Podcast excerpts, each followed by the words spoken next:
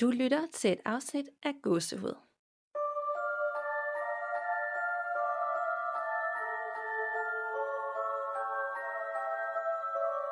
Hej Nana, Hej Danika. og velkommen til episode 34. Yeah. For en gang skyld, så optager vi faktisk dagen inden det udkommer. Ja, Fordi du har været syg i sidste uge, og vi skulle have optaget. præcis. Ja. Men det er jo også et eller andet sted fedt, at man føler, at det man optager, det faktisk udkommer Ja. med det samme. Det er helt fresh. Ja. Så ja, Og juleaften nærmer sig. det gør den. Er du spændt? Ja, altså jeg er ikke sådan i julestemning, Nej, det er heller ikke. men det er jeg lidt blevet, fordi vi skal nemlig øh, i dagens afsnit selvfølgelig tale meget om jul Ja, og julehistorier, øh, relateret til det overnaturlige selvfølgelig. præcis. Lidt ligesom vi gjorde i vores særlige Halloween-afsnit, så skal vi også gøre det i dag. Ja. Men selvfølgelig med lidt spøgelser og fortællinger og urban legends indover. Præcis. Hyggelig uhygge. Hyggelig uhygge, ja. er der sket noget uhyggeligt siden sidst? Ja. Niels? Det Ja. er der faktisk. Fedt. Øhm, jeg vågnede op i torsdags om morgenen til øh, tre ubesvarede opkald på min telefon fra øh, min veninde, som bor over i London. Og øhm, der lå også to voice notes, som jeg skyndte mig at høre. Og jeg vidste, at øhm, hun, øh, hun, hun, havde, hun var taget ud af byen sammen med en masse af sine kollegaer, fordi de skulle holde julefrokost ude øh, på et eller andet ind ude for, for byen. Ja. Øhm, så jeg tænkte, hun bare var fuld og sikkert ville fortælle mig et eller andet sjovt eller sådan noget. Ikke?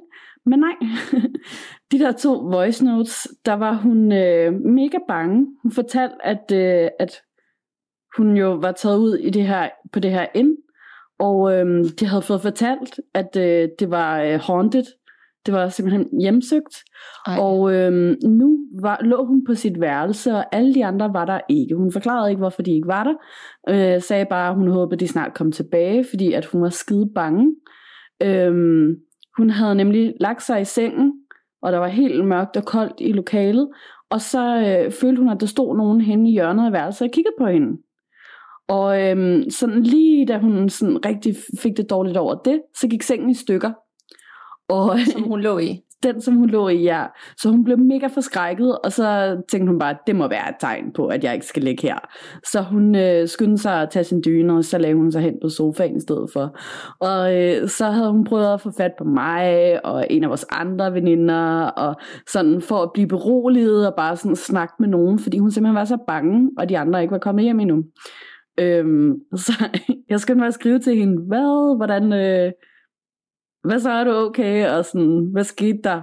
Og skrev, hun var okay, og hun var faldet til ro, hun havde fået fat på sin bror, i stedet for, som hun så havde snakket med, til de andre var kommet hjem. Men at hun stadig var mega bange. Hun var bare sikker på, at der havde været et spøgelse lige der, Ej, og hun skulle sove der. og hun skulle sove der, ja. Ja.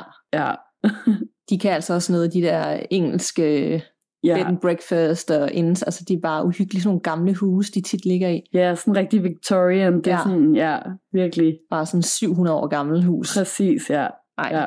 det var da en skummel oplevelse. Det var virkelig skummelt, og jeg nåede selvfølgelig også at blive død bange, da jeg hørte de der to voice notes fra hende, ikke? og tænkte, hvad fanden, hvad er der sket? Lød hun sådan helt øh, Ja, nærmest desperat. Hjælp! ja sådan dirrende stemme, ikke? Ja. ja.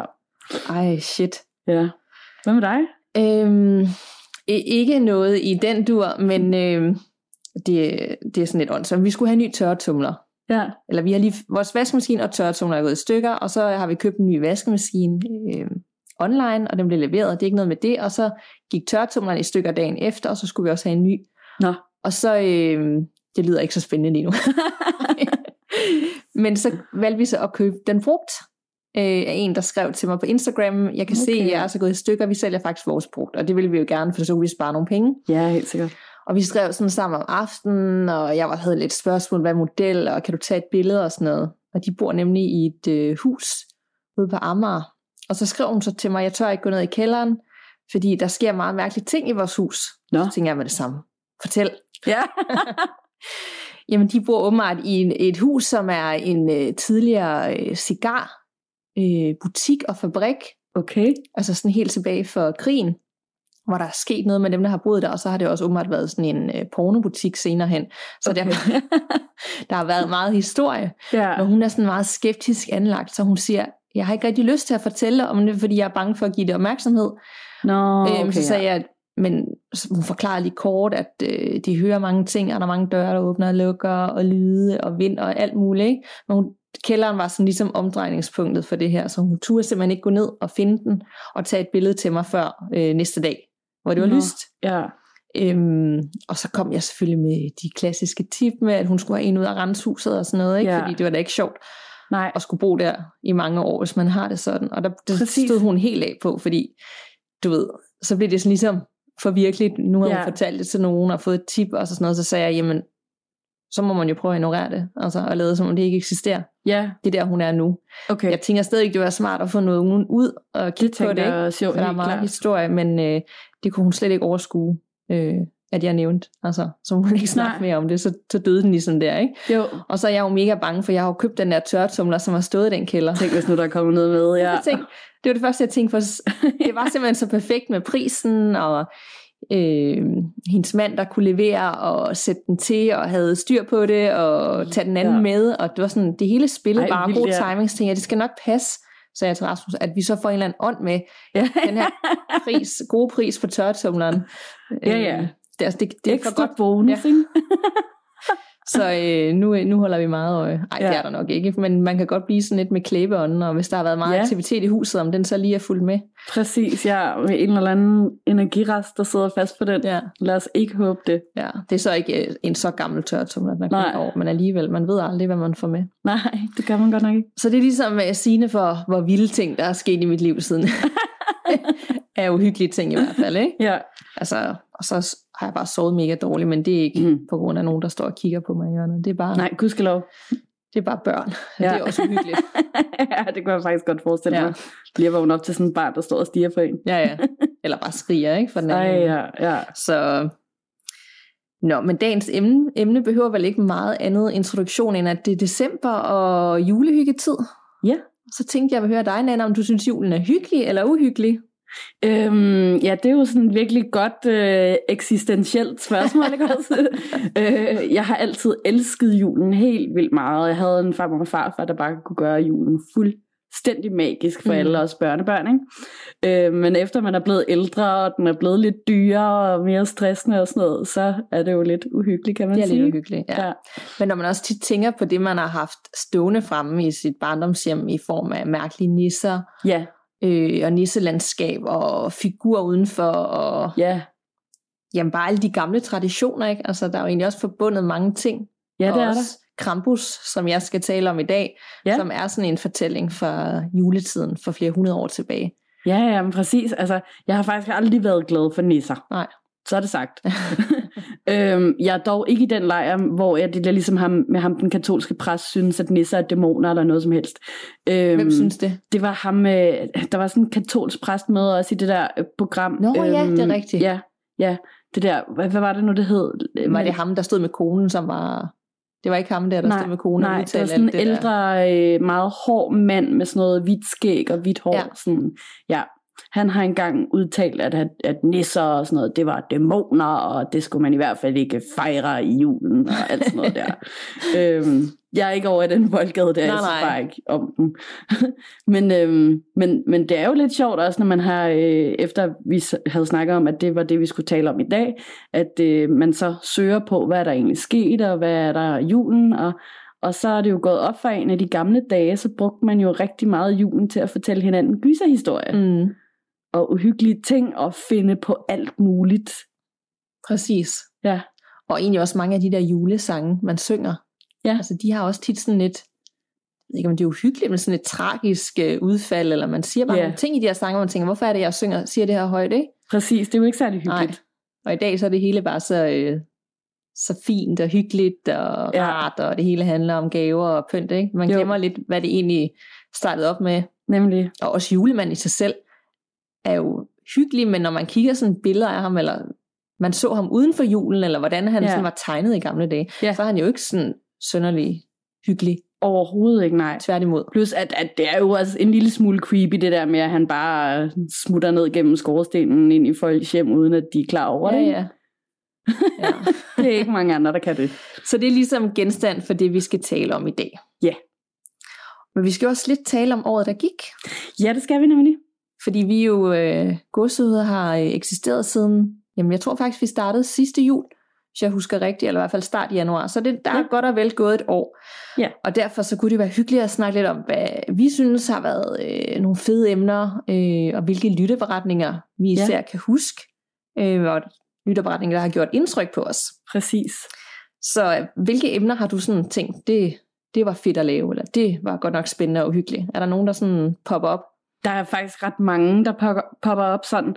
Det første, jeg tænkte, var bare forlystelsesparker, fordi Mm. mm. det bare var så sjovt, og jeg endte med at sidde og så læse om en hel masse andre forlystelsesparker, end lige den, jeg fortalte om. Mm. Øhm, og det var virkelig også bare, det hele var bygget på sådan nogle virkelig tragiske historier, og man kan bare, det, det er sådan helt det der kontraster imellem, at folk, der bare går og hygger sig og har the best time of their life-agtigt, Mm. og så et menneske, eller sådan en sjæl af et menneske, der er død på tragisk vis, der bare går der og er så ulykkeligt. Ja. Øhm, det synes jeg var mega spændende. Og øhm, teatre, som vi talte om sidste gang, Ja, det var, det var godt nok spændende. det var det virkelig, ja. Måske også fordi det var så tæt på, hvor man selv sad, ikke? Og man Præcis. tænkte, gud, sker det bare lige Ja, et par kilometer herfra? rundt omkring, ja. Ja. Det var vildt fedt. Så det, det, er sådan noget, det, det skal vi helt sikkert have en, en toer af på mm. et eller andet Mm. tidspunkt i det nye år. Ja, begge dele, ikke? Nemlig, ja. Jeg kan også godt huske det afsnit, som måske var et af de første, da du kom med med hjemsøgte skove. Ja, Den, på en eller anden måde, den husker jeg også bare godt. Ja. Øhm, og så øh, hjemsøgte dukker især. Ja. Det var vildt Ej, uhyggeligt. det var det også, ja. Øhm, og der er jo så mange hjemsøgte dukker, man kan tage fat i, så det er også noget, man kunne have en øh, Helt klart, det skal vi have, ja. del 2 og en del 3 og, og så videre. Ja. Øhm, forlystelsesparkerne står ja. Virkelig også øh, sådan stærkt i øh, min hukommelse, og det var nemlig også, fordi Christina var med, og vi ja. Havde ligesom en tredje vinkel på det, og hun havde det der enormt uhyggelige billede med, som hun viste os, mens vi optog. Præcis, ja. Det var også ret fedt, ja. Ja. Øhm, og så generelt så har jeg jo et eller andet, og det lyder meget forkert, men med dæmoner, ikke? jo. Der var et eller andet, der sådan tiltrækker mig i forhold til de ting. ja. Øhm, også selvom at jeg ikke nødvendigvis ved 100% om jeg tror på det, så synes Nej. Jeg bare, det er så skræmmende, og det er det, der skræmmer mig mest, når, hvis jeg bliver bange om natten, når jeg vågner klokken 3. Så, Ja. så tænker jeg ikke, at der sidder en eller anden øh, familiemedlem, og så, så er det første, jeg tænker, åh oh, nej, bare det ikke er en dæmon, der, Ja, ja, en ond der vil også noget ondt. Ja, det kan jeg godt forstå. Altså, det er også sindssygt uhyggeligt. Ja. Men jeg tror også, nu kan jeg jo fortsætte med at fortælle om Mhm. favoritemner, men dem, der har gjort mest indtryk på mig af de øh, episoder, vi har optaget, det har været øh, især episode 4 med nærdødsoplevelser. Ja. For det bliver meget øh, personligt. Sådan, hvad har man selv oplevet? Ja, og det kan jeg godt huske. med ja. mirakler og sådan noget. Øhm, og så øh, særafsnittet med Janni. Ja. Og få øh, hendes perspektiv på alt det der med at tale med afdøde og Præcis. clairvoyance og sådan noget. Det var jo enormt spændende. Ja, det var helt vildt spændende og meget lærerigt også. Mm. Og, og, øh, og også nyt for mig det her med at tænke, at der findes ikke ondskab. Der findes kun ja, dårlige følelser, der bliver til dårlig energi, men ikke noget ondt. Præcis. Det var helt nyt for mig. Det var betryggende. Ja. Men som om, at jo længere vi bliver optage, det er som om, man glemmer lidt det igen, og Jo, så kommer præcis. øh, dæmonerne lidt frem igen. Ja, ja, ja. Og så øh, sidst af alt, afsnittet om søvnparalyse. Ja, Det var fedt. det var rigtig fedt, ja. Og jeg synes især, det er fedt, fordi der er så mange, der har skrevet til os efterfølgende, at øh, nu har de endelig fundet ud af, hvad det var, der skete med dem også, og det har hjulpet dem, og der er så meget omkring det. Det synes jeg bare er mega fedt. Mm. Ja, Jeg tænker også, at vi skulle have den op og vende igen, klart. Med måske mere fokus på øh, nogle af de andre søvnproblemer, man kan have, men stadig Ja. med de fortællinger, fordi vi får stadig ikke så mange lytterberetninger, der handler, eller tager udgangspunkt i en eller anden søvnparalyseoplevelse. Præcis. Ja, Så det skal helt klart også med igen. ja, Måske drømme som Ja. fokus. ja. Marit, drømme. Ja. Mm. Ja. Så vi har været igennem meget, og jeg, vi har jo en lang liste. Du har sat det hele ind med ting, vi kan tage op. Præcis. Så det er jo ikke, jeg føler ikke, der er sådan et, nu er det slut, nu har vi talt om alt det, Nej, overhovedet ikke. Der er virkelig meget at Ja. tale om stadig. der er til mange år. Ja. Men hvis I derude har en idé til et emne, vi skal tale om, vi har også spurgt på Instagram lidt, og der Ja. kom en masse gode idéer, men det kan jo godt være, at der er nogen, der sidder og tænker, lige det der, der skete i det hus, eller ja. har I hørt om det her sted i Danmark også, eller et eller andet. Det kan også Præcis. være, Især tips om ting, der er sket i Danmark. Ja. Ja. For det er lidt sværere for os, fordi Ja. der er så lidt info at hente på det, fordi folk de generelt, der er mange, der ved noget, men det er ikke lige noget, man får skrevet ned på Præcis. øh, nettet, som Ja. vi kan søge frem. Nemlig. Så, men hvad med lytterberetninger? Er der nogen, der sådan ligesom, oh, den, øh, den stod ud i forhold til de andre. Ja, det er der. Og det var en, du læste op øhm, for nogle afsnit siden, om øh, den her kvinde, der havde fået en spontan abort. Mm. Og om natten, da hun lå og sov, der øh, oplevede hun noget med at høre englemusik og øh, se sådan en figur af en blomst udfolde sig. Og jeg synes bare, altså, det var så smukt Mm. og meget, meget rørende, og jeg fik mega meget gåsehud, da du fortalte den. Og, Ja. Altså, jeg husker den bare klart og tydeligt. Mm. Den gjorde virkelig, virkelig stort indtryk på mig. Ja, den var også livsbekræftende på en eller anden måde, ikke? Jo, det var den nemlig. At der midt i sorgen, så kunne der også skrue noget smukt ud igen, og følelsen af, at alt skulle nok være okay, og det Ja. hele skulle nok gå. Præcis. Og så selvfølgelig den følgetong, som jeg bare stadig savner en øh, update på, øh, fra en lytter, som boede i den her herskabslejlighed, der var, øh, der var blevet hjemsøgt. Jeg kunne vildt godt tænke mig at høre, hvad der var sket. Hver gang man fik en ny mail, så var man bare sådan, Ja, hvad sker der, hvad oh sker der? god, ja. ja. Hvad er status? Præcis. Men vi har faktisk ikke hørt noget i, en, øh, i nogle måneder. Nej, Det kunne faktisk være meget fedt, hvis... Øh, hvis der kom en update. ja, Ja, vi kan også lige skrive til, til lytteren, at øh, Ja. hvordan det står til, om der er Det noget kan vi. nyt, eller det hele er faldet til ro. ja. Jeg tror, at nogle af de lytterberetninger, jeg husker bedst, det var øh, en af de første. Det var ham med Christoffer i afsnit 7, som tror var den første lytterberetning, Ja. jeg havde, hvor der var lidt sådan ondt, Ja, dæmonisk. Jeg ved det ikke, hvad det var. Men det var i hvert fald den der med følelse af, at der var noget, der ligesom tyngede ham. Og ja. Jeg ved ikke, om man kan kalde det en besættelse, men i hvert fald noget, der påvirkede ham så meget Ja. øh, i hans hjem, at, øh, at det var ret hemmende for ham. Det var ret creepy. Det var den. Den kan jeg også tydeligt huske. Det var inden jeg kom med jo, men Mm. jeg kan huske, at jeg gik og, og lyttede, og sådan var nødt til at spole tilbage nogle gange. Sådan lidt, var det virkelig det der? Ja. Ja, ja. Er det virkelig sket? Og jeg, ja. jeg tror, han boede i Odense på det tidspunkt, eller et eller andet. Jeg kan Ja. bare huske den... Øh, det er lige før, man skulle finde den og genlæse den. Måske skulle man have sådan et, afsnit på et tidspunkt, sådan vores favoritter, hvor vi læser op Ja. nogle af de gamle, ikke? Ej, ja, det var da en god idé. Ja. Det vi sagtens gøre. Og så bare sådan tage 10 af de mest, øh, ja, Ja. dem vi lige husker bedst. Præcis. Øhm, og så har det er også en af de nye, vi har læst op, men den med selvmordet i kælderen i et hus Ah, ja. i Aarhus Nord, hvor at, øh, de var flyttet i huset, hvor at først der var den tidligere ejer havde begået selvmord i kælderen, og så stedfaren gjorde det Ja. det samme sted nogle år efter. Og ikke fordi, at vi tror nødvendigvis, det har noget overnaturligt på sig, men det var bare sådan en lytterberetning, der både havde det overnaturligt, men også bare var enormt tragisk. Så den sidder, Præcis. bare, den sidder bare fast hos mig. Ja. Ja. Forfærdelig historie. Ja, og det samme gør den med drengen. Øh, hende, der skrev ind med venindens dreng, der, havde, øh, der var øh, blevet syg, og så fik de ligesom at vide af hende dame, der var i koma, Det er rigtigt, ja. At, øh, at de skulle tage ham til lægen hurtigst muligt, som Ja. en advarsel, og det endte faktisk med at redde hans liv. Ja, Og det, det, er nok, altså det var sådan et, det var både mirakel, og man var sådan helt blæst bagover, øh, hun havde været i koma samtidig, men været til stede, og han havde set hende, og Ja, ja, det var ret vildt. virkelig, virkelig vild, ja. Så øhm, ja, og så den for Viborg, lejligheden i Viborg. Åh oh, Ja. ja, ja. hvor der bare, ja, med brugeren, der også var lige ved at blive lukket ind i det der skab og sådan, ja. Præcis. Puha.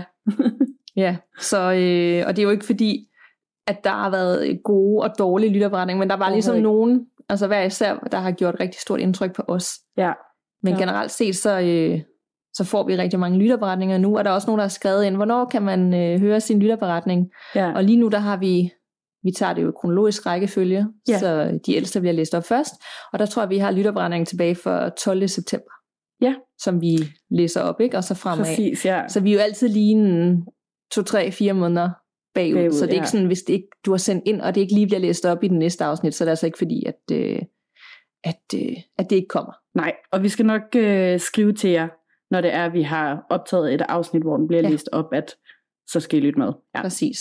Det er ikke altid vi lige, hvis det er lige et, et tip eller øh, en, en eller anden personlig historie, der ikke har relateret til lytterberetninger, for der ja. Er så mange mails derinde, så Ja. kan der godt være lidt længere svartid, eller vi ikke, ja, Ja, altid lige forvente tilbage. Så, øh, Præcis. Men det er ikke ens tid, at vi ikke læser det overhovedet, og vi er så glade for, at I overhovedet gider sende Ja, ind. Ikke? det er så dejligt. Tak det er mega have. fedt.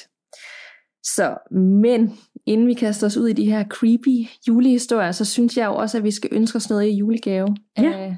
Det skal vi da. jer, der lytter med derude, hvis I har lyst til at give os en lille gave. Fordi det bedste, I nemlig kan gøre, det er at give os jeres anbefaling, og det kan være inde i uh, iTunes-appen, hvor man kan give stjerner og skrive lidt tekst. Men det kan så også være ude øh, blandt venner og familie, der spørger Mhm. mm. om anbefalinger til ja. nye podcast, de skal lytte til. Og der er mange af jer, der har fundet vej til os, fordi I netop har fået at vide af en ven eller veninde eller kollega, at I skal lytte med her. Ja. Så det er bare fantastisk, og det er en nem og gratis måde at støtte os på. Præcis. Øhm, og det kan også bare være at følge sociale medier, hvordan man nu har lyst til det og Ja. ja. engagere sig. Facebook og Instagram, der er kommet lidt bedre gang i vores Instagram nu, Mhm. og der er simpelthen så godt gang i vores Facebook-gruppe lige i øjeblikket med rigtig mange, der lægger tips op, Ja. og ja, generelt så får vi bare enormt meget øh, godt tilbage, synes jeg. det gør vi absolut. Og det er jo helt vildt, hvordan det har udviklet sig, og jeg, jeg er ikke i tvivl om, at det vil slet ikke være det samme, hvis der ikke var alle jer derude, der lyttede med, Præcis. og, og delte tips, og kom med feedback, og idéer til nye emner, og lytterberetninger. Altså det er bare, Ja, det er bare et fællesskab af folk, der godt kan lide at, at blive skræmt. det er dejligt. Så kan det være, at man tror på det, eller man ikke tror på det. Øhm, Ja. ja. Vi har fået lidt på kommentarer om, at, at man måske kan være, eller vi kan være lidt naive i forhold til, Ja. når vi optager, ikke? Men det er jo ligesom en del af gamet for os, det er jo, at det skal være hyggeligt, uhyggeligt, ikke? Jo, præcis. Det ville også være rigtig kedeligt, hvis vi bare afviste alting. Ja, og så, Ja. det er nok fordi, det Ja. er det. Præcis. Altså, vi kan godt lide at leve os ind i det, og tit når folk oplever noget, om det er sket øh, eller ej, eller det er noget, man har forestillet sig, ikke? jo, Altså det er jo ikke os, der skal, der skal afgøre det. nej, Så vi må bare på bedste vis ligesom prøve, at, hvad er det første, vi tænker, når det er sket? Altså, nemlig, får vi gåsehud, eller får vi ikke gåsehud? præcis. Det er Ja. udgangspunktet. Det er ikke om, er det sket eller ikke sket, eller hvad er realistisk. Præcis. Og vi er ikke øh, videnskabelige tilgang til det på nogen måde. Vi, øh, vi, øh, vi kan bare godt lide at skræmme hinanden, Ja. og skræmme jer derude. Ja. Så øh, skal vi hoppe til ugens uhyggelige øh, julefokus. Ja, det synes jeg. Og det er jo mig, der lægger ud. Yay. Og jeg har givet det en titel i dag. Jeg ved ikke hvorfor, men... øh, glædelig jul, skræmmende jul. Åh, så ja. jeg er ikke så original, når det kommer til at finde på titler til det, jeg fortæller om, men øh, jeg synes på en eller anden måde, det var meget dækkende, fordi ligesom vi talte om, øh, juletiden er meget magisk, familier samles, der er god mad, der er julemusik, og man pynter op, og så er der jo så den anden og mere uhyggelige side af det, Ja, for ligesom at Halloween har en masse beretninger og traditioner bundet op på sig, så har juletiden det også. ja. Udover små uhyggelige nisser, så var Krampus det første, jeg tænkte på, da jeg ligesom skulle finde ud af, hvad jeg skulle tale om i dag. Og sætte ord på, hvad det er egentlig, jeg finder sådan lidt små uhyggeligt ved julen. Ja, Krampus, til de af jer, der ikke kender ham, vi delte faktisk nogle billeder i Facebook-gruppen, hvor folk skulle gætte det. ja. Og jeg kunne godt fornemme, at der var mange, der aldrig havde hørt om Krampus. Og der var også mange, der kom med nogle andre navne på Ja. ja. nogle øh, væsener, som jeg ikke kendte, men ligesom dækkede lidt over det samme. Ja, Men Krampus er i hvert fald en mystisk skabning, som følger Sankt Nikolaus, altså julemanden, rundt i forskellige dele af verden. Og hvor Sankt Nikolaus deler gaver ud til de søde børn, så advarer og straffer Krampus de uartige børn, som har lavet ballade eller ikke opført sig pænt. Han tager så børnene og putter dem ned i en sæk, og så tager han dem med op til det højeste træ. Og den 21. december, der starter måltid for Krampus, hvor han æder børnene levende. nej.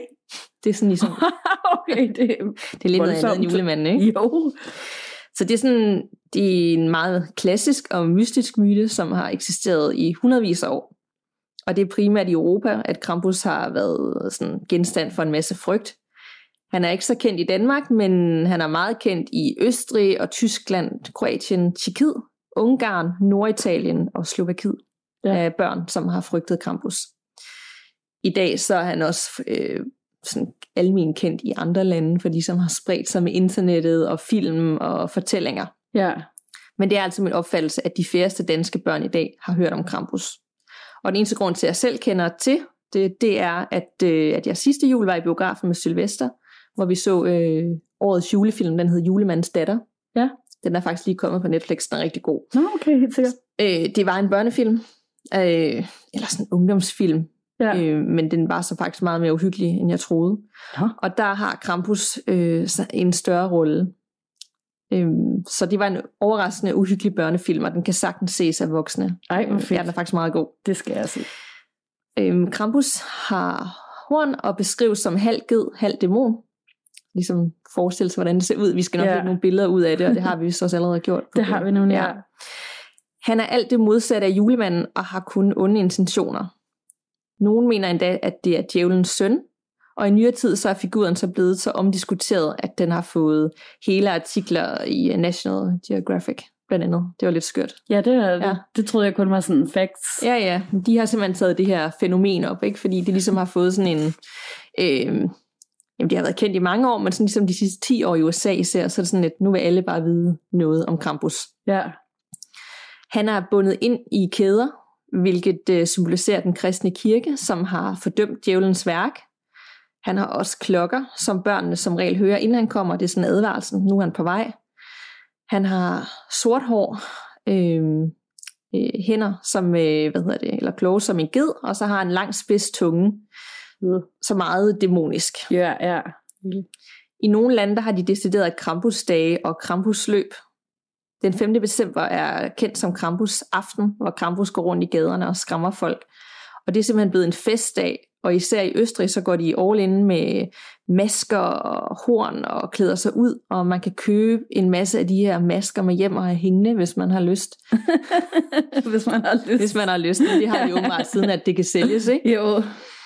Øhm, og jamen, der kommer rigtig mange udklædt, og der skal også nok dele en masse billeder af, hvordan de her folk de ser ud, når de øh, klæder sig ud til Krampusdag. Det er fuldstændig ja. forfærdeligt. Altså, jeg kunne slet ikke forestille mig at tage til sådan noget, hvor alle bare ligner dæmoner. Nej, nej, overhovedet ikke. Nej. Men øh, det er altså en tradition dernede. Faktisk så er Krampus blevet så populær, at han har bredt sig til USA. Og nu siger jeg godt nok han, men øh, det kunne også være en hun eller den. Altså det er jo lidt yeah. svært at sige, ikke? Jo, jo. Således så holder de Krampusfester i både New Orleans og Washington. Og folk de begynder sådan at mene, at det ødelægger lidt mystikken og den kant, som Krampus har, når han bliver sådan kommersiel. Ja. Det bliver det jo tit i USA. Ja, og jeg synes også, det er lidt synd, at man begynder sådan at holde øh, fester og begynder at sælge ting på baggrund af, at han er uhyggelig. Ikke? Jo.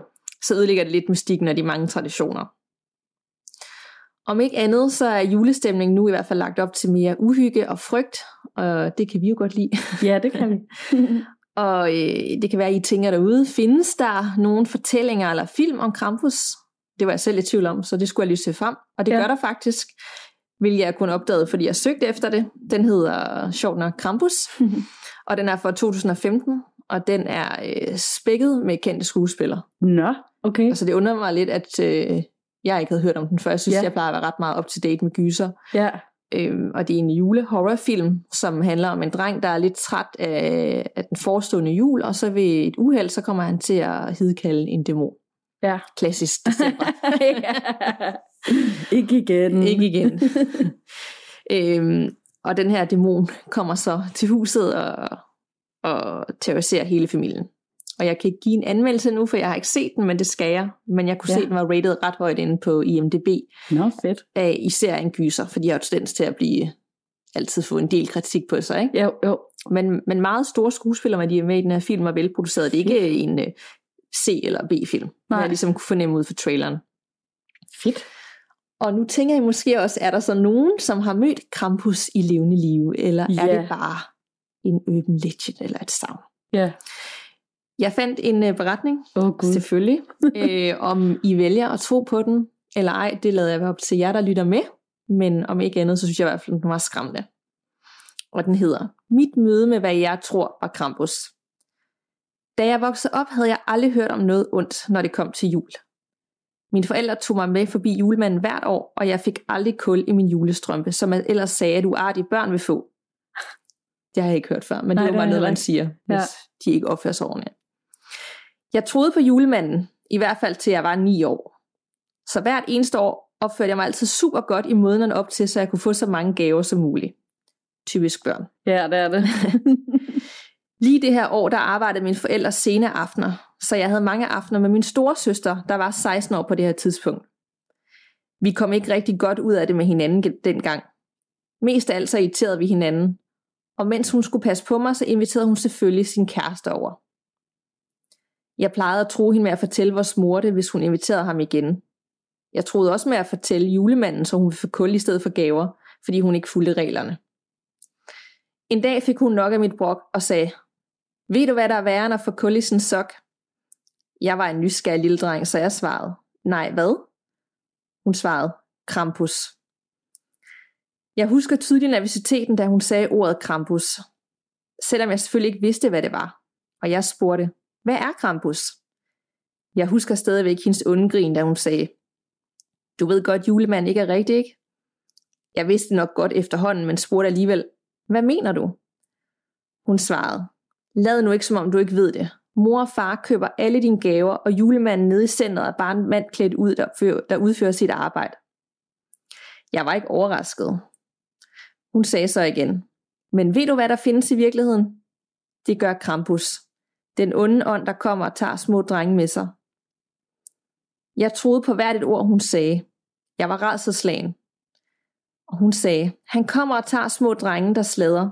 Alt du skal gøre er at sladre tre gange i juletiden, og så kommer Krampus, juledæmonen, og tager dig.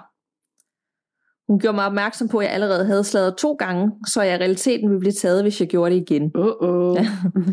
det gjorde mig enormt bange. Især da en uge senere kom til at fortælle vores forældre, da hun stjal noget af min mad fra køleskabet. Lige da jeg havde sagt det, kom jeg i tanke om det, min søster havde fortalt mig. Legenden siger, at Krampus kommer for at straffe børn, der ikke opfører sig ordentligt. Så min søster havde ændret lidt på den til sin fordel. Og alligevel var det der, hvor det startede med at blive mærkeligt. Det var nemlig også året, hvor jeg begyndte at få interesse for piger. Jeg var i min forældres værelse en aften, da de var ude. Jeg ledte efter batterier, men jeg endte med at finde min fars Playboy-magasiner. jeg kiggede i den, før jeg lagde den tilbage samme sted. Så det samme år, jeg fandt ud af, at julemanden ikke fandtes længere, var det samme år, hvor jeg opdagede piger. På det tidspunkt var der stadigvæk ikke sket noget, så jeg begyndte at være overbevist om, at min søster bare prøvede at skræmme mig. Men jeg tror, det var en fejl, og det var en stor grund til, at jeg senere på aftenen fik et besøg. Det var et par dage en juleaften, og jeg vågnede midt på natten ekstremt tørstig. Vores hus var helt mørkt på, net, på nær mikroovnens lys i køkkenet. Jeg hentede mit vand, og da jeg gik tilbage mod mit værelse, hørte jeg en lyd på taget. Jeg husker, at jeg tænkte på julemanden som det første. Jeg gik hen mod vinduet og så, hvad jeg troede var et dogdyr udenfor. Jeg kiggede dog nærmere, og da dyret vendte sig om, så så jeg den store krop og røde øjne. Den havde horn, og jeg tænkte, den lignede udyret for skønheden af udyret. Jeg frøs af frygt, da jeg så den begynde at gå hen imod vores hus. Vores blikke mødtes. Så smilede den med sine skarpe tænder. Den hoppede pludselig væk og var ude af syne, som om den forsvandt i den blå løft. Jeg løb direkte ind til min søster, og jeg vækkede hende og fortalte i frygt, at jeg havde set Krampus. Og det var der, hun indrømmede, at hun havde opfundet på det hele for at stoppe mig for at slæde. Hun stillede sig op og fulgte mig ind på mit værelse. Hun tændte lyset og kiggede chokeret på min seng, og jeg kiggede på hende og sagde, hvad? Hvad fanden er det? Hun lænede sig mod min seng og tog et magasin op. Det var det magasin fra min fars skab. jeg var i chok, og jeg vidste ikke, hvad jeg skulle sige, for jeg havde ikke flyttet noget som helst. Min søster kaldte mig en freak og gik. Jeg prøvede at forklare hende, at jeg ikke vidste, hvordan det var endt der, men hun troede ikke på mig. Til den dag i dag har jeg ingen idé om, hvordan det magasin endte der, eller hvad det væsen udenfor var. Det eneste, jeg kan tænke på, var, om jeg oplevede en dæmon. Og måske endda Krampus, der advarede mig. Min søster og jeg har aldrig talt om den nat. Det tør jeg simpelthen ikke. Forhåbentlig kommer jeg aldrig til at opleve ham igen. Og det var altså en øh, beretning med mødet med Krampus. Ej, hold da op, altså. Ja. og jo det, der er øh, med alt det her, altså legenden om Krampus. Og, ja. og selvom at det er måske noget, at primært børn tror på og, og forestiller sig, ja. så synes jeg bare, det har et eller andet uhyggeligt om, øh, idé om sig, at der er faktisk noget andet end julemanden, som bare har onde intentioner og ikke er skide behagelig at møde. Præcis, ja. Så husk det til julen, og I glæder jer, at øh, det er altså også andre ting, der ja. kan møde. Pas lidt på jer selv. Altså, jeg, jeg, nu sidder jeg også bare og forestiller mig, at alle de der onde ting, der måske findes derude, bare tænker, at alle er så glade, og paraderne er nede og sådan noget i julen, at de bare hust, ja. ser en mulighed for at... Præcis. Ja. Ja. Ved. Og måske også, at, øh, at der er mange familier, der samles. Det er jo ikke altid, at juletid er noget, folk tænker yay til, fordi Nej. der er altid konflikter i familier og Præcis. drama, og der kan være negativitet. Ting, der bare gør, der sådan, det ligesom blusser op den ene gang om året, hvor man pludselig skal ses på kryds og tværs med folk, man egentlig måske ikke har lyst til at bruge tiden med. Ja, nemlig. Og mange, der er ensomme også måske, ja. fordi de ikke har nogen at holde jul med. Og ja. Så øh, det er bare en årstid, hvor man måske kan hidkalde øh, det overnaturlige mere, end man plejer. Ja, det tænker jeg også. Der er mange følelser på spil. Ja. Ja. Så det bliver interessant. Ja, det gør så. Hvad vi oplever i juleferien. ja, ja. Ja, altså jeg har jo valgt at gå lidt mere øh, sådan øh, øh, traditionelt til værks mm. øh, til ære for det her med, at man i gamle dage fortalte hinanden gyserhistorier i juletiden. Så øh, jeg har to øh, rigtig uhyggelige historier, som også er beretninger for folk, der har fortalt om øh, mødet med noget, de kan forklare i juletiden. Og øh, den første historie har jeg kaldt juletræet med sin pynt. Uh. Øhm, og den øh, er fortalt af Caitlin Williams, som øh, er vokset op i en lille by i Indiana, i et hus sammen med sine forældre. Og øh, da hun var lille, der følte hun meget ofte, at hun blev øh, overvåget i huset, og hun mærkede generelt ofte ubehag, mens hun var i huset. Og så er der særlig en hændelse, som skete tilbage i 1996, som var rigtig skræmmende, og hun fortæller. Et år omkring jul havde jeg en ven på besøg, som skulle overnatte hos os. Varmen var blevet slukket kortvarig, og mens vi sad i stuen og så tv, faldt temperaturen pludselig markant. Jeg rejste mig for at skrue op for varmen, og i det samme begyndte juletræet at ryste voldsomt. Pynten faldt ned til alle sider, og vi blev rigtig bange. Vi løb op ovenpå og smed os på min seng. Min hvide kat kryb op til os, og min dør stod på klem. Da jeg kiggede ud på den mørke gang, så jeg en høj hvid figur løbe ned ad gangen. Jeg vendte mig mod min veninde, og hun fortalte, at hun havde set nøjagtigt det samme. Hun har aldrig nogensinde tilbragt natten der igen. Efter denne uhyggelige og mystiske hændelse var det stille i flere år, indtil jeg desværre fik en kronisk sygdom, og så begyndte den paranormale aktivitet i huset igen. Det blev især tydeligt og skræmmende, da jeg blev 18 år og min bedstefar døde. Aktiviteten spændte over alle mulige ting, der begyndte at bevæge sig, til mystiske lyde, der ikke kunne forklares, uhyggelige skyggefigurer og væsener, der strejfede om i huset. Det startede med lyden af stemmer. Det var som om, der blev tændt for et fjernsyn, og at der kom et væld af stemmer fra underetagen, eller endnu mere skræmmende lige uden for mit værelse på første sal. Mine forældre sov altid, når det begyndte. Deres værelse lå lige ved siden af mit, og der var sådan en udluftningskanal mellem mit og deres værelse, så jeg kunne altid høre mine forældre, når de sov inde ved siden af. Jeg stod op, og jeg tjekkede alle værelser, men der var ikke noget tv tændt, så der var ikke noget, der forklarede de stemmer, jeg hørte. Jeg blev mere og mere bange, da stemmerne begyndte at komme hver aften. Og så var det, jeg begyndte at se skyggefigurer. De varierede i størrelse, men de var altid menneskeformede, bortset fra en enkelt gang. Det var en nat, jeg gik ud af mit værelse med min kat i, i armene, og hun begyndte at knurre voldsomt. Det gør hun ellers aldrig. Hun er normalt en meget rolig og kælen kat, så jeg blev helt chokeret over at se hende sådan. I det samme kiggede jeg ned ad gangen og så en, en skygge på størrelse med en stor hund løbe hurtigt ned ad trappen. Men vi har ikke nogen hund. Vi havde haft en, før jeg blev syg, men vi blev tvunget til at give den væk, fordi vi ikke kunne give den den opmærksomhed, som den fortjente. Min kat knurrede og knurrede, indtil skyggen forsvandt helt. Siden da var der aldrig nogen af de skyggefigurer, jeg så, der havde form af en hund igen. De var kun menneskelige. Nogle var høje, nogle var på størrelse med børn, men de skræmte mig alle sammen fra videre sans. Jeg lå i min seng om natten, fuldstændig terroriseret af frygt for, at jeg var ved at blive sindssyg, fordi ingen andre kunne se dem. Da jeg fortalte mine forældre min for, mine oplevelser, tog de mig med til en psykiater, men hun kunne ikke finde noget, der var galt med mig.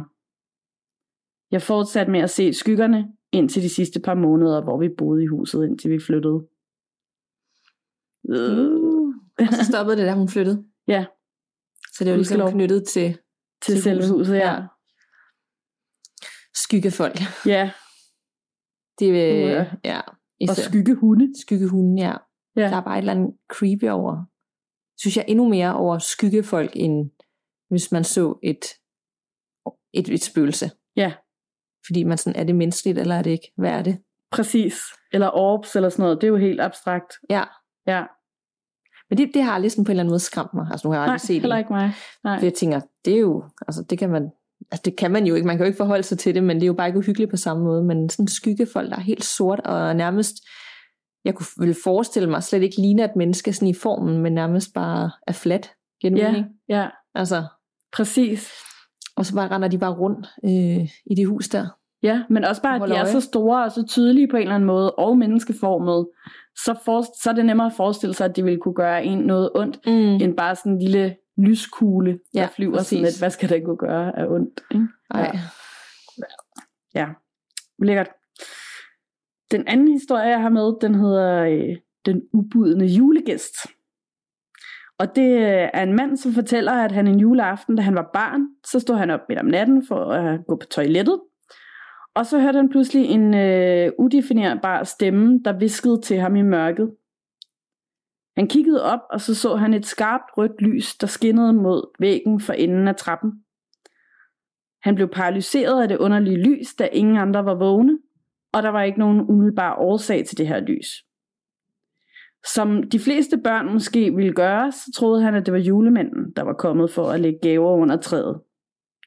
Han sneg sig nedenunder, fulgte det mystiske lys og forventede netop at se julemanden. Men i stedet blev det både mærkeligt og skræmmende. Han fortæller. Det var da jeg hørte ham. En meget stærk, maskulin stemme. Anderledes end den første, jeg havde hørt. Overhovedet ikke som min fars. Den sagde, stop, lige nu, gå tilbage op ad trappen. Jeg lyttede, vendte mig om, og hvad der skete efterfølgende er jeg ikke sikker på, at jeg ville tro på, hvis nogen havde fortalt mig den samme historie. Da jeg nåede toppen af trappen, hørte jeg et meget højt bang, og så satte jeg i løb tilbage til min mors seng, hvor jeg sprang lige ind under dynen og gemte mig resten af natten. Da vi vågnede næste morgen, var en lyskæde, som min mor havde hængt på gelænderet langs trappen, blevet trukket helt ned i bunden. Nogle af pærerne var gået i stykker, så det virkede som om, at der var blevet trykket i den, eller rykket i den, med en meget, meget stor kraft. Der var også et skab på mit værelse, der var faldet ned fra væggen. Min mor kunne slet ikke forklare det. Min far var bange for, at vi havde haft indbrud, og min søster hun græd bare. Der manglede ikke noget i huset, og der var ellers ikke nogen tegn på indbrud på hverken døre eller vinduer, så der var ikke umiddelbart nogen grund til, at alt det her var sket. Og så var det, jeg så det. Men jeg turde ikke sige noget, fordi jeg var så bange, at jeg simpelthen ikke kunne tvinge ordene ud af min mund. Lige der, på kanten af skabet, som havde vendt opad, da det hang på væggen, var der kommet tre riller i lakken. Næsten som efter, at nogen havde taget et kraftigt greb i det. Noget havde simpelthen grebet fat i det og hævet det ned fra væggen. Det var det, der havde givet det store brag. Ej, du var god der til, til lydene. Nå, det er godt. Jeg leder mig totalt ind i det. Åh, fedt. Ja, det må du godt gøre mere. Ja. det gør. Ej, så bliver det jul igen. Ja. ja, Kan videre med jer, der lytter med derude, og har oplevet noget til jul? Det gad jeg da Altså- også godt at vide, ja. Måske bare tilfældigvis, var det lige juletiden, eller var det et eller andet Ja, decideret med jul at gøre? Det kunne være meget sjovt at høre. det kunne det nemlig. Altså, man kunne jo forestille sig, at der er mange, der får besøg af deres pårørende i julen. Mm. Mm. Afdøde pårørende. Måske fordi man sådan man er mere den her familieånd og taler ja. mere om ting, der er sket med sin familie, Præcis. øh, og har tid til det, Ja. og ikke stresser rundt i hverdagen. Og der er travlt på kirkegården og også. Folk besøger deres gravsteder Ja, og sådan ja. noget mere, end de ellers Præcis. gør. Ikke? Ja. Ej ja, kan vide, når nogensinde er nogen, der har været på kirkegård eller gravsteder, og så faktisk oplevet noget. Ja. Det har vi ikke haft nogen lytterberetninger med, at der er nogen, der har prøvet at, øh, eller set noget overnaturligt på øh, kirkegård. Nej, Kun hende, der gik tur med veninden, som ja, det så er. Som lysglimt. de der. Men ikke sådan relateret til, at de skulle besøge nogen. Nej. Det gad jeg egentlig godt vide. Ja, det er jeg nogen også godt. der har oplevet eller set noget, eller hørt nogen, der har oplevet noget på en kirkegård. Ja, Jeg bliver jo altid mega skræmt, når jeg render rundt på en kirkegård. Det, er, altså, det er et fredfyldt sted, ikke? Men Jo. altså, i hvert fald, hvis man går helt alene. Ikke så meget sådan inde i København med de store kirkegårde, men sådan Nej. nogle langt ude på landet, sådan nogle små nogen, hvor der var helt stille. Jamen, jeg, har- jeg har sådan lidt en, en øh, jeg vil ikke kalde det en fetish, men, men jeg har sådan lidt en ting med kirkegård. Øhm, der ligger også en, en sindssygt hyggelig og virkelig, virkelig flot kirkegård nede i Herfølge, hvor min far bor, Ja. øhm, som vi stort set altid går tur med hunden i. Øhm, virkelig, virkelig smuk. Og øh, jeg bor jo lige op og ned af assistensen, mm. så den går jeg også i nærmest hver dag, når jeg er hjemme her. Øhm, og så kan jeg godt lide, når jeg kommer til nye byer, også at lige tage en tur på kirkegården der, ja. Men de kan jo, for det har det der ro, og øh, det er altså på en eller anden måde bare, Ja, ja, det er sådan et sted, man går hen og lige får sådan en pause, og man måske Ja. lige bliver mindet om, at der er andre ting end arbejde og praktiske gøremål, og at Præcis. det faktisk er livet, ikke? Jo. Øh, det skal man lige huske at, at værdsætte. ja. Jeg, brug, jeg brugte det faktisk også, da vi ledte efter navn. Ja. til- Smart. Til, ja, ja. Der er Ja. mange gode navne på sådan nogle. Altså, det lyder måske lidt forkert, men altså, hvis man, rundt, hvis man alligevel går tur der og kigger Ja. på de her mange gravsten, så er der jo bare rigtig mange fine navne, Ja, det er der. Det er Sådan en ældre navn. Ja, øhm, som måske ikke lige har tænkt over. ja. Så, øh, så det kan jo også noget. Det, andet. det kan det virkelig. Ej, Ja. jeg elsker også nogle rigtig gamle gravsteder, hvor at, øh, der også var folks titler på, sådan mm. Ja, ja. overkasserer et eller andet, Præcis. eller bogholder Britt Nielsen, eller hvad ved jeg. Det kommer bare aldrig nogensinde til at ske igen Nej, nej. med øh, Key Account Manager Nej, Jette Hansen. det lyder ikke lige så godt, vel? nej. Nej. Og dengang der var gravsten måske også bare sådan mere, jamen, du ved, de blev samlet, og de var større på en eller anden måde. Det var nærmest Ja. ja. sådan en lille, ligesom man har i udlandet, ikke? hvor der nærmest blev bygget sådan nogle huse. Præcis mausolæer Ja, og sådan noget. Ja, Altså ja. det, i dag, der, øh, og man kan stadig ikke få mange flotte sten, det er bare ikke det samme. Altså Nej. man gør ikke det samme ud af det. Nej, det er måske, kan- fordi folk ikke har behov. Dengang var det måske Ja, også et det tegn på nok. status, hvor mange penge har du haft, øh, hvor stor er din gravsten, ikke? og det, hvor meget det fylder den. tror jeg også, altså også hvis du bare tager assistensen for eksempel, der er jo øh, en, der er virkelig, virkelig mange gravsteder helt tilbage fra 1800-tallet, ikke? og øhm, altså, det findes det jo ikke med nyere gravsteder, fordi der skal du betale for dem 5-10 år ad gangen, Ja. og så udløber de på et eller andet tidspunkt, ja. og så er der mange, der vælger bare at stoppe med at betale til det, og så bliver Mm. de fjernet. Ikke? Men altså, så jeg tænker, det, når der er så mange, med mindre ja. De er bevaringsværdige, så er det jo fordi, der virkelig er blevet lagt kassen til ja. De her gravsteder. Ikke? Engang. Betaler de så stadig ikke til den i dag? Eller er det, dengang var det bare en anden ordning? Jeg tror, måske var det en anden ordning, ja. Eller også er det sådan, fordi der er jo også nogle gigantiske nogen, mange af dem, at så er der bare blevet ta- betalt sådan, den Ja, ja. her skal stå her i mindst 200 Ja, ja. år, Ja, ja. eller et eller andet. Ja. ja. Skal vi gå til lytterberetninger? Ja, Vi har jo tre med i dag. ja det har vi. Så øhm, måske skal jeg starte? Ja. Endelig. Yes. Jeg øh, har et, en lytterberetning her fra Sine, som skriver, Hej gåsehud. Jeg har en historie til jer, som jeg tænker, I nok vil finde interessant. Jeg er cirka 10-11 år gammel, da det sker for en 4-5 år siden. Min familie har et sommerhus, som vi ofte tager hen i, når vi holder ferie. En gang er min storebror, farmor og jeg på ferie i sommerhuset. Vi har været der i en uges tid, og min bror og jeg skal i seng om aftenen. Vi børster tænder og alt det, der nu skal gøres lige inden sengetid. Når man kommer ind på det meget lille værelse, vi sover i, står der en køjeseng i højre side. I venstre side står der et stort skab med en masse spil ovenpå. Ved siden af det her skab, så står der et gult skrivebord. Der er kun lige akkurat plads til, at der kan ligge en madras på gulvet. Min bror og jeg har altid diskuteret om, hvem der skulle sove øverst i køjesengen. Denne aften er min bror, der skal sove øverst, da jeg sov øverst dagen før. Jeg bliver derfor en smule fornærmet og lægger mig på madrassen på gulvet.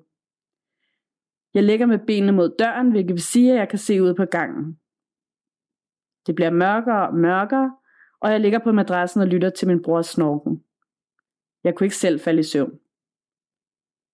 Hver gang jeg lukkede øjnene, føltes det som om nogen stirrede på mig. Jeg kan huske det lige så tydeligt. Jeg prøver flere gange at lukke øjnene, men åbner dem igen efter måske to sekunder. Da jeg på et tidspunkt åbner øjnene, står der et spøgelse midt ude på gangen og kigger lige ind på mig. Jeg sætter mig op i et sæt. Det skal lige siges, at ingen i min familie altså er døde på det tidspunkt. I hvert fald ikke nogen, jeg kunne huske. Jeg kan huske følelsen, der for gennem kroppen på mig, og hvor bange jeg blev. Lige så stille kalder jeg på min bror, mens jeg med et stift blik holder øje med spøgelset, der står cirka to meter foran mig. Jeg kalder på min bror flere gange med en blid stemme, da jeg ikke vil have mere opmærksomhed for spøgelset. Endelig svarer min bror. Hvad er der? siger han. Jeg svarer ham så, at der står et spøgelse i gangen, og han siger derefter, at jeg skal gå ud til min farmor, som stadig er vågen. Med det samme er han faldet i søvn igen. Jeg holder stadig øje med spøgelset, mens jeg sidder op stiv som et bræt. Jeg tæller ned fra tre, mens jeg tænker, at det bare er noget, jeg ser. Det er ikke virkeligt, siger jeg til mig selv. Må jeg heller lige pointere, at over for værelset, som jeg ligger i, er der et præcis magen til. Det vil altså sige, at når man går ud på gangen, så skal man dreje til højre for at komme ud til resten af huset. Og 3, 2, 1, så spurter jeg gennem spøgelset og løber ud til min farmor. Det jeg husker bedst er følelsen, der suser igennem mig, da jeg løber igennem spøgelset. Det var en følelse af uro og ubehag. Jeg fik så meget fart på, lige da jeg løb igennem spøgelset, at man skulle tro, det var løgn. Da jeg kom ud til min farmor, havde jeg tøj i øjnene, og jeg kan næsten ikke få vejret. Jeg husker spøgelsets udseende. Det var en pirat. Han havde en skrå hat på, og så noget meget piratagtigt tøj. Han havde også sådan, som jeg husker det, en klap for øjet. Han stod på en måde, som om, at det var ham, der bestemte det hele. Med brystet skudt frem og skuldrene tilbage. Han var også meget høj. Måske et hoved højere end 10-11-årig mig. Min farmor lægger mig i seng igen noget tid efter, men dog inden hos hende selv. Jeg har heldigvis ikke set spøgelset siden, gudskelov. Det var min historie, jeg håber I kunne lide den. Den rammer mig meget hårdt, og jeg fælder en tår eller to, mens jeg skriver dette. Ingen har nogensinde troet på denne historie, men det håber jeg, I vil. Og så har jeg også et spørgsmål til jer. I et af afsnittene siger I, at hvis man ser det samme tal hver dag, så er det et tegn på noget. Hver dag i cirka to uger nu, det er stoppet lidt, men det kommer ikke hver dag længere, så kigger jeg på klokken, og der står stort set altid 12.09. Jeg har søgt på, hvad 9 kunne betyde, men jeg kan ikke finde noget reelt svar. Kunne I måske hjælpe? Hvad betyder tallet 9? Det må vi lige søge på. Ja, altså jeg prøvede at søge lidt ja. på det, øhm, og jeg kunne ikke sådan finde noget konkret, hverken på 1209 eller 9 i sig selv, øhm, andet end sådan numerologi, ja. og det, det ved jeg ikke rigtigt, om jeg selv tror på. Det mm-hmm. tror jeg ikke på selv. Øhm. Jeg tror på, at når man... Jeg oplever også selv tit det der med, at jeg ser et bestemt øh, klokkeslæt. Mit det er næsten altid 11.11. Nå, okay. Øhm, og det har været i mange år. Ja. Og det, altså, det er ikke hver dag, men det er da flere gange ugenligt. Og jeg tror også, det bare er fordi, nu er jeg bevidst om det, ja. og det er sådan 11-11 er noget, man lægger mærke til. Ja. Så lægger man også bare, altså det kan jo sagtens være en tilfældighed, men jeg lægger bare mærke til den her tilfældighed. Giver Ja. det mening? Jamen, det giver totalt meget mening. Men jeg kan godt lide tanken om, at det er sådan et, altså det, jeg synes, at det er hyggeligt, når jeg ser det igen, sådan, nå, nu bliver det måske en god dag resten, eller du ved, Men altså, så kan man jo lægge, tillægge det meget betydning. Jamen, er der ikke også noget med 11 11 Jo. faktisk, at det betyder held og lykke eller et eller andet? Det ved jeg ikke. At, der er også noget med nogle engletal og sådan noget. Ja, det er øhm, rigtigt. Jeg kan ikke helt huske betydningen, men der er et eller andet med 11 11, og det er der jo nok Ja. med, med alle tal på sin måde, kan jo godt være et tegn eller en bekræftelse. Ja, Det kan også være, at man skal have svar på et eller andet i sit liv, føler man, og så er det sådan ligesom en form for præcis. hentydning, sådan et, du kan godt gøre det, eller prøv det af, eller et eller andet. Altså, Ja. hvad man nu vælger at, at lægge i det, ikke? Jo. Det er jo ligesom at, når man har nogle, nogle ritualer i forhold til, som vi snakkede i teaterafsnit, er nogle ting, man skal gøre, før det går godt, ikke? Jo, Så, så kan det fungere på samme måde. Jamen det tror jeg, du kan have helt Mm. ret i. Også i, i det hele taget det der med, at kroppen også har et eller andet indre ur i forhold til, at man tit og ofte vågner på det samme tidspunkt, mm. bliver træt på det samme tidspunkt, bliver sulten på det samme tidspunkt og sådan noget, fordi ja. Man er det her vanedyr. Så det kan jo også være sådan noget. Ja. med det, at så kommer man til at kigge på klokken lige nøjagtigt Mm. på det samme tidspunkt hver dag. Præcis. Men ellers så synes jeg da, at du skal prøve at tage fat i en numerolog, og så høre, om der er noget med det. Ja. Men der er jeg også sådan lidt, lige på det punkt der, ikke? Det ved Ja. jeg ikke. Det der med, så skal jeg sige et nyt navn eller et eller andet. Ja, nej, nej, nej. Men ja, altså, ja. jeg, kan godt, altså jeg kan godt lide at, at søge det frem, ikke? Og, Jo. og finde ud af betydning, og, og det er heller ikke fordi, det kunne da sagtens være, at man skulle prøve det på et tidspunkt. ja. Bare for at prøve det af. Og Ja, se, og ikke? se, jeg man ved kan simpelthen ikke nok om det. det. Nej, Nej. præcis. Jeg ved ikke øh, så meget om det i forhold til det også. Jeg fik ikke udtale mig, Nej. hvad det er, men det kan jo godt være et tegn øh, for nogle forskellige ting, om det er et tegn for en, et familie, familiemedlem, eller det er Ja. i forhold til noget i dit liv, eller en bekræftelse eller andet. Det, det er jo svært at sige for os. Ja, det er Men det. en vild, øh, vild oplevelse altså, i en alder af 10-11 år.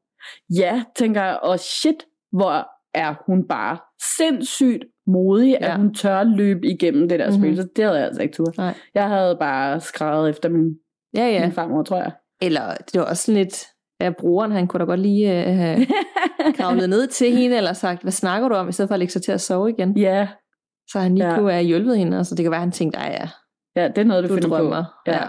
Læg dig til at sove igen. præcis. Fordi at, øh, Altså en ting er oplevelse af voksen, men i den alder, ikke, det Jo. var ret øh, voldsom oplevelse. Ja, det må det simpelthen være.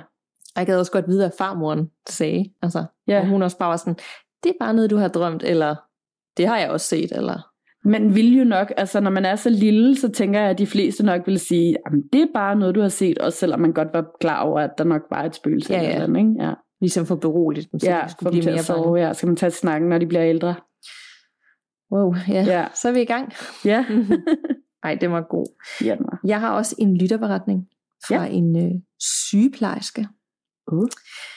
Hej Danika og Nana. Først og fremmest tak for en god podcast. Endelig nogen, der deler min fascination af det overnaturlige. Yeah, Det gør vi. det gør vi.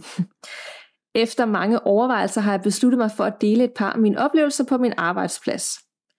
Det er egentlig ikke oplevelser, der har skræmt mig, men de har alligevel fået mig til at lige stoppe op og overveje, om der rent faktisk er mere mellem himmel og jord. Jeg er sygeplejerske i den ambulante psykiatri, det vil sige, at vi behandler patienterne i dagtimerne. De kan komme forbi til samtaler og behandling, eller vi kan tage hjem til dem. Mit kontor ligger i en flot gammel hospitalsbygning, der er et tidligere epidemihospital og som i slutningen af 1800-tallet blev taget i brug som karantænesygehus. Efterhånden som tuberkulosen gik tilbage, takket være de medicinske fremskridt, så kunne man omdanne hospitalet til et behandlingssted, som er et sted, hvor sygdomme grundet alderdom kan behandles. I dag holder den ambulante psykiatri sig til her, samt et par dagsinstitutioner i andre af de gamle hospitalsbygninger på grunden. Jeg blev ansat på min arbejdsplads for to og et halvt år siden, vi har flekstid, så mine kolleger og jeg har derfor mulighed for at møde mellem 8 og 9, alt efter hvad der passer os. Sekretæren og jeg møder hver dag kl. halv 8, for mit vedkommende for at komme udenom morgentrafikken.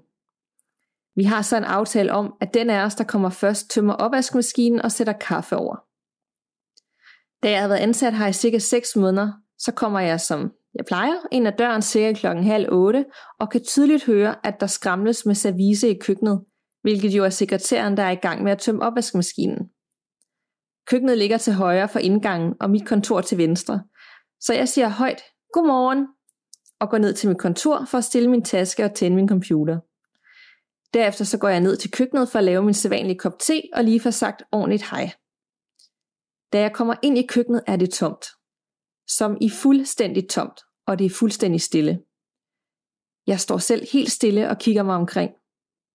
I det samme kan jeg høre skridt på gangen, så jeg stikker hovedet ud af køkkenet for at se, hvem der kommer gående. Igen formoder jeg, det er sekretæren, og igen mødes jeg absolut ingenting. Gangen er fuldstændig tom, men jeg har en klar fornemmelse af, at jeg ikke er alene.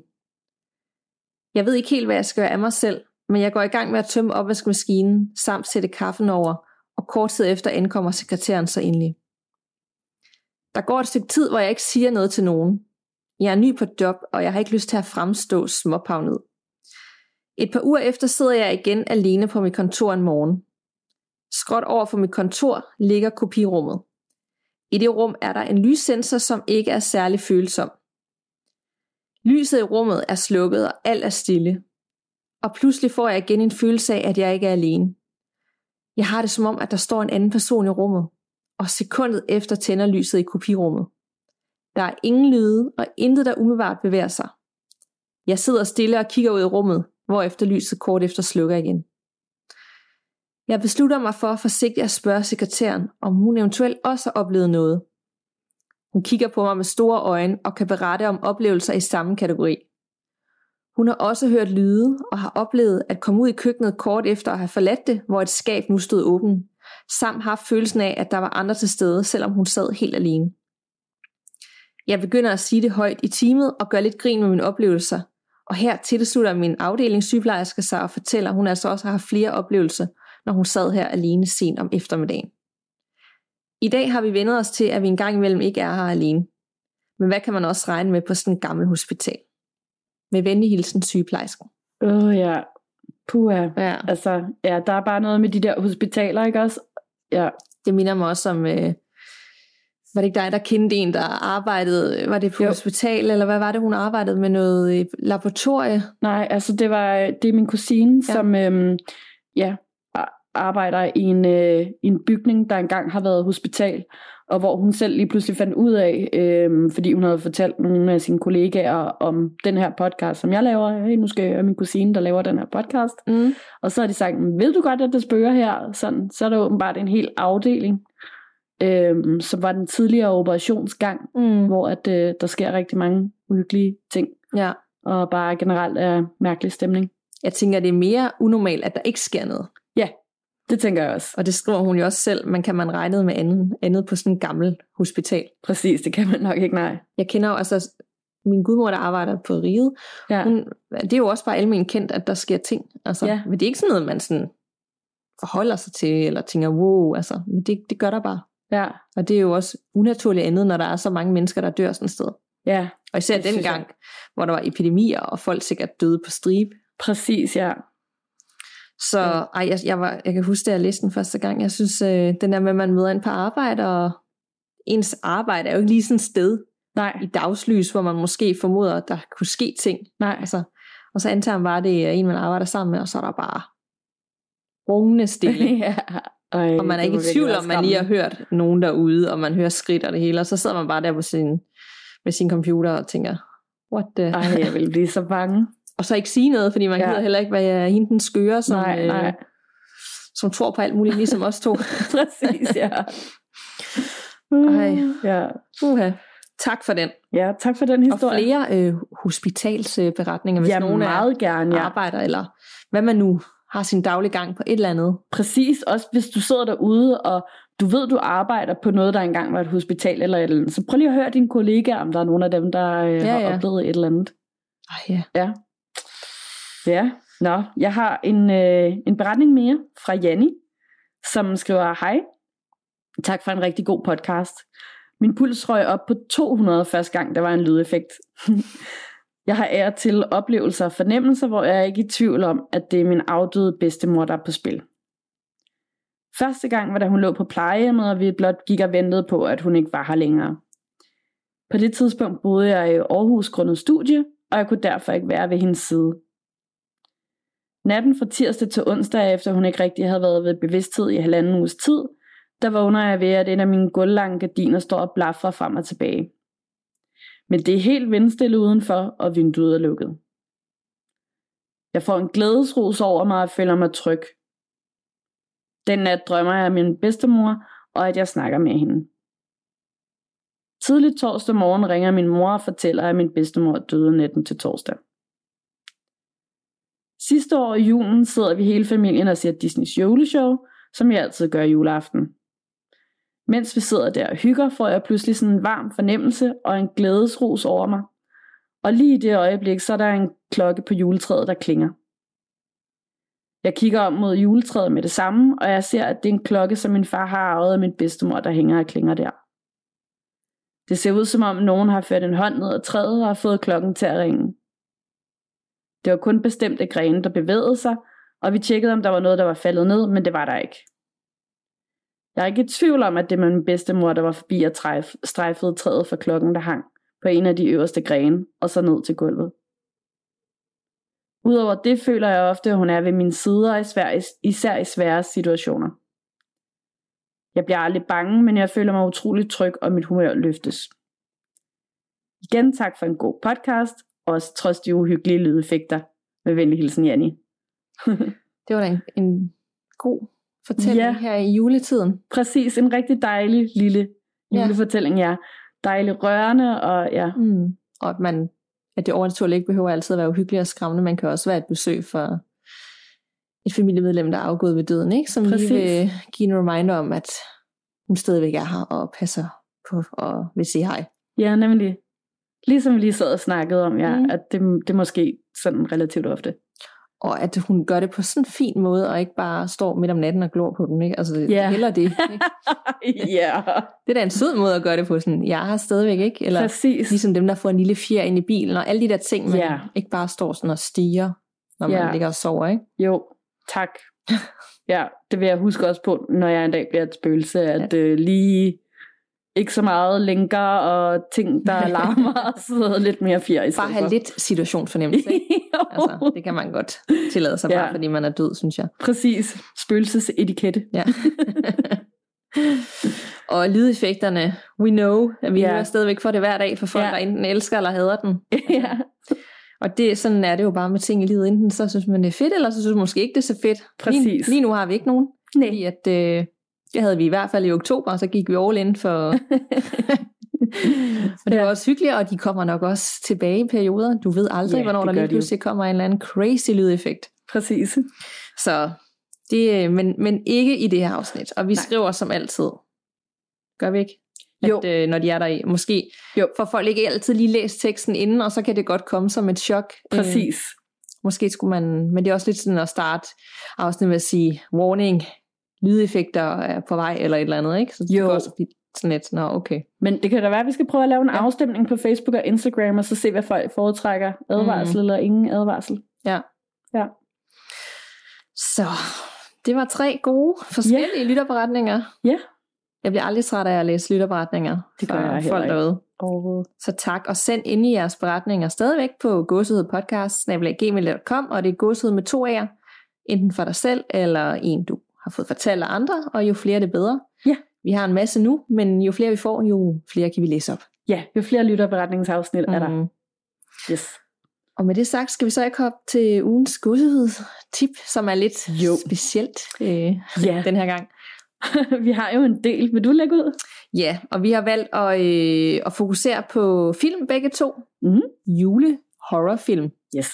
Ikke at der er vildt mange af den, men nu hvor det er december, og der er rigtig mange hyggelige julefilm, så synes vi også, at I skulle have muligheden for at se nogle uhyggelige af slagsen. Præcis, og øhm, du foreslog, at vi kunne snakke om det, og så tænkte jeg, ah, jeg kender da kun lige til en tilfældigvis, mm. fordi jeg lige har set en trailer eller noget. Ikke? Øhm, men, men så når man tænkte efter, så var der jo faktisk overraskende mange mm. uhyggelige julefilm. Ja. Ja. Og øh, jeg har tre med. Ja. Øhm, jeg har Krampus, Ja. som jeg har snakket om tidligere afsnittet, og det har jeg, fordi at nu er jeg meget fascineret af Krampus. Ja. Og der er den her åbenbart velproducerede gyser fra 2015 med en masse kendte amerikanske skuespillere, som tager udgangspunkt i en familie, der mødes til jul. Helt og Krampus kommer på besøg. Jeg kan ikke sige så meget endnu, om Nej. den er god eller ej. Den har fået gode anmeldelser, men jeg har i hvert fald planer om at se den, og så skal ja. Jeg nok vende tilbage næste afsnit. Men det kunne være, der var andre, der også vil gerne vil se den. Helt klart, jeg vil, gerne se den også. Kan man, kan man se den? Ved du, hvor, hvor man kan se den henne? Nej, jeg synes, jeg kiggede ind. Var den på Netflix? Nej, jeg er ikke sikker på, at den er på Netflix, for den er Nej. fra 2015. Det er ikke altid, så kan det godt være, at den har været det, men ikke er det længere. Ja. Og Viaplay har jeg ikke, og heller Nej, ikke okay. HBO. Altså, jeg kan kigge på Viaplay og HBO. Ja, jeg tror vi- ikke, de ligger der. Ellers så skal man nok ud i noget Skal man Amazon den, eller, eller andet. Blockbuster ja. eller eller andet. Ja. Men vi kan jo eventuelt lige følge op inde i gruppen, og lige skrive, her er den her, Ja. her kan du se den her. Præcis, lad os gøre det. Og så søgte jeg videre, Mm. fordi jeg var sådan lidt, hvad har jeg egentlig set af julefilm, julegyser? Og så, kom jeg, så kom, fandt jeg en, der hedder Better Watch Out, som jeg faktisk så Ah, for nogle år siden, som er mega god. Den har ikke noget overnaturligt omkring sig, men det er en gyser. Den ja. handler om øh, hende her øh, hovedrollen, som er babysitter for en dreng, hun har passet flere gange. Han har måske 10 år, 10-11 år, og hun er sådan noget 16 Ja. Og de skal rigtig hygge sig, forældrene skal ud, og de er december, og der er pyntet op til jul, og så øh, begynder der at være nogen, der banker på, og nogle mursten, der bliver kastet ind gennem ruden, og øh, så viser det sig, at det er en ven til ham, hun passer, som bare lige vil lave lidt sjov, ikke? Øh, Okay. og skræmme hende. Men så lige pludselig, så tager den bare en 180 drejning, og jeg kan simpelthen Nå. ikke sige mere, Nej. uden at afsløre plottet. Men det er ikke overnaturligt, men den er virkelig god, og den har nogle twists, så jeg synes helt klart, at øh, man skal se den. Ej, fedt, ja. Jeg er mm. Totalt solgt. Den vil jeg også gerne Og den har julemusikken stadigvæk og sådan noget, så det er en, man kommer lidt i julestemning på den uhyggelige måde. Fedt. Og den sidste, jeg har, det er en, der hedder Dead End fra 2003, så det er jo faktisk en lidt ældre gyser. Ja. Og jeg har set den, det mange år siden. Øhm, jeg ved ikke, om det siger dig noget, Nej. men det er en familie, øh, der skal til øh, juleaften, øh, og de er på vej i bilen, og det er øh, en mand og en kone og deres to børn, og øh, voksne børn, og hun, øh, datteren har så også sin kæreste med. Og de skal hen, det er manden, der kører det, og han skal hen til sin fire familie, og han har egentlig ikke rigtig lyst, fordi Nej. juletid det er også tit en tid, hvor man ikke rigtig gider bruge tid med de mennesker, man er nødt til at bruge tid med. Ikke? Ja. Så han tager jo en, øh, en anden vej, end han plejer. Og så øh, lige pludselig, så, øh, så er han ved at køre ind i en bil, og når lige afvige, den klassiske, ikke? Og så ser han pludselig sådan en, øh, en kvinde i helt hvidt med et barn stående ude i øh, siden af vejen, og der er jo komplet mørk, og der er jo ikke noget andet. Nej. Og så øh, stopper man selvfølgelig op, fordi når man ser en kvinde med en, et lille spædbarn stå der, ikke, så må man jo hjælpe. Og de ender med at tage Præcis. hende med ind i bilen, og hun siger jo ikke noget. De spørger, hvor skal du hen, og hvad er der galt? Og jeg tror, hun får sagt noget med, hvilket hus hun skal op til, eller et eller andet. Og så derfra, så, øh, så går den bare totalt øh, sinister.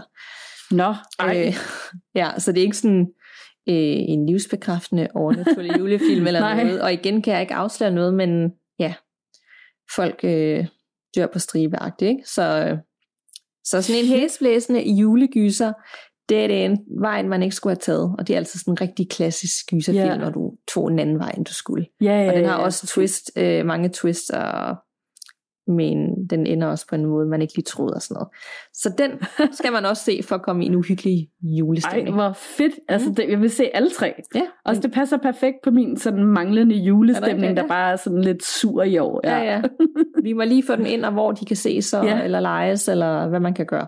Helt sikkert. Ej, ja. fedt. Ja. Altså, jeg har også fundet øh, øh, fem-ish film. Mm.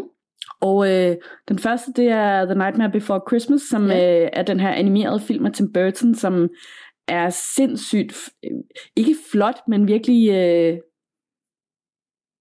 jeg ved ikke, hvad jeg skal en kalde klassiker, den. ikke? Jo, total ja. klassiker, ja.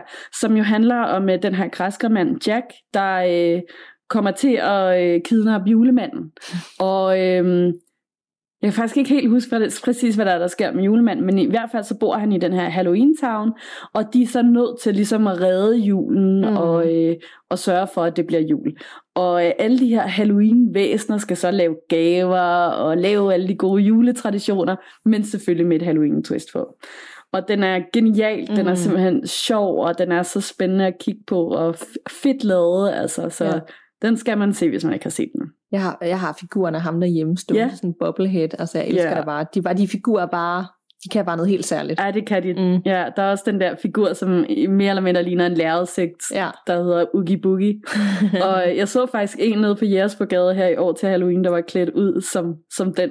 Ej, hvor genialt. Det. Ja, det var Ej. virkelig godt. Ja. Ja, den, den skal jeg se. Helt sikkert, ja. Og øhm, så er der jo også en klassiker, som, som The Gremlins-filmene. Og øhm, jeg ved ikke, hvor meget introduktion den lige Nej, det har de behøver. fleste nok set i Det har de fleste, ja. ja. Jo. Og det er, det er nok kun de yngre, der måske ikke har fået set den endnu. Den skal man også se. Mm. Altså, det er det her meget nuttede lille væsen, der hedder Gizmo, som ikke må få øh, mad eller vand efter klokken midnat. Og hvis den så gør det, så, øh, så formerer den sig ligesom til de her små, ulækre, uhyggelige gremlingsvæsener, der bare er ude på balladet. Mm. Øhm, Virkelig og god. den er faktisk uh, lidt creepy. Jeg kan også huske, ja. der synes jeg, det var ret uhyggeligt at se. Ja, også mig. Ja, der Men er der ikke flere lille. Gremlingsfilm? Jo, jeg mener, der er to eller tre. Ja. Ja. Øhm, og i hvert fald de to der, dem kan man godt se. Mm-hmm. Så ved jeg ikke lige, hvis der er en træer. Den, så tror jeg ikke, jeg har mm. set den i hvert fald. Så er der en film, jeg så sådan med et halvt øje her i uh, tidligere på måneden, som uh, hedder The Snowman. Og øh, den er nordisk, der er i hvert fald ham, den øh, dansk-svenske skuespiller med, som er med i alt i øjeblikket. Jeg kan ikke huske, hvad han hedder. Mørkhåret mand. Øh, og øh, den handler om sådan en seriemorder, der lige pludselig kommer på spil igen i en by. Den har jeg set. Ja. Ja, nu gik det lige op for mig, hvad det var. Ja, ja, ja.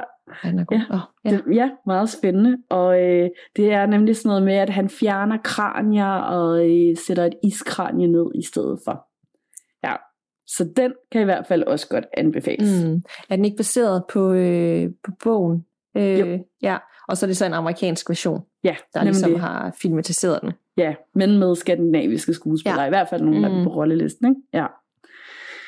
Og øhm, så er der jo en hel masse film om, øh, om The Scrooge, Ebenezer Scrooge, som er den her øh, lidt Grinch-agtige type, der bare hader julen og er mega ond og ikke under hans medarbejdere julebonusser og betaler dem dårligt og i det hele taget bare er et krigerisk røvhul. øhm, Indtil han så juleaften bliver opsøgt af The Ghost of Christmas, der så viser ham alle de her skæbner, og hvordan hans attitude ligesom påvirker andre folk. Så man kan sige, det er jo ikke decideret uhyggeligt, men der er det her overnaturlige mm. med, at det er The Ghost of Christmas, der kommer og viser ham, at du dør ensom og ulykkelig, hvis, ja. ikke, øh, hvis ikke du ændrer attitude. Mm.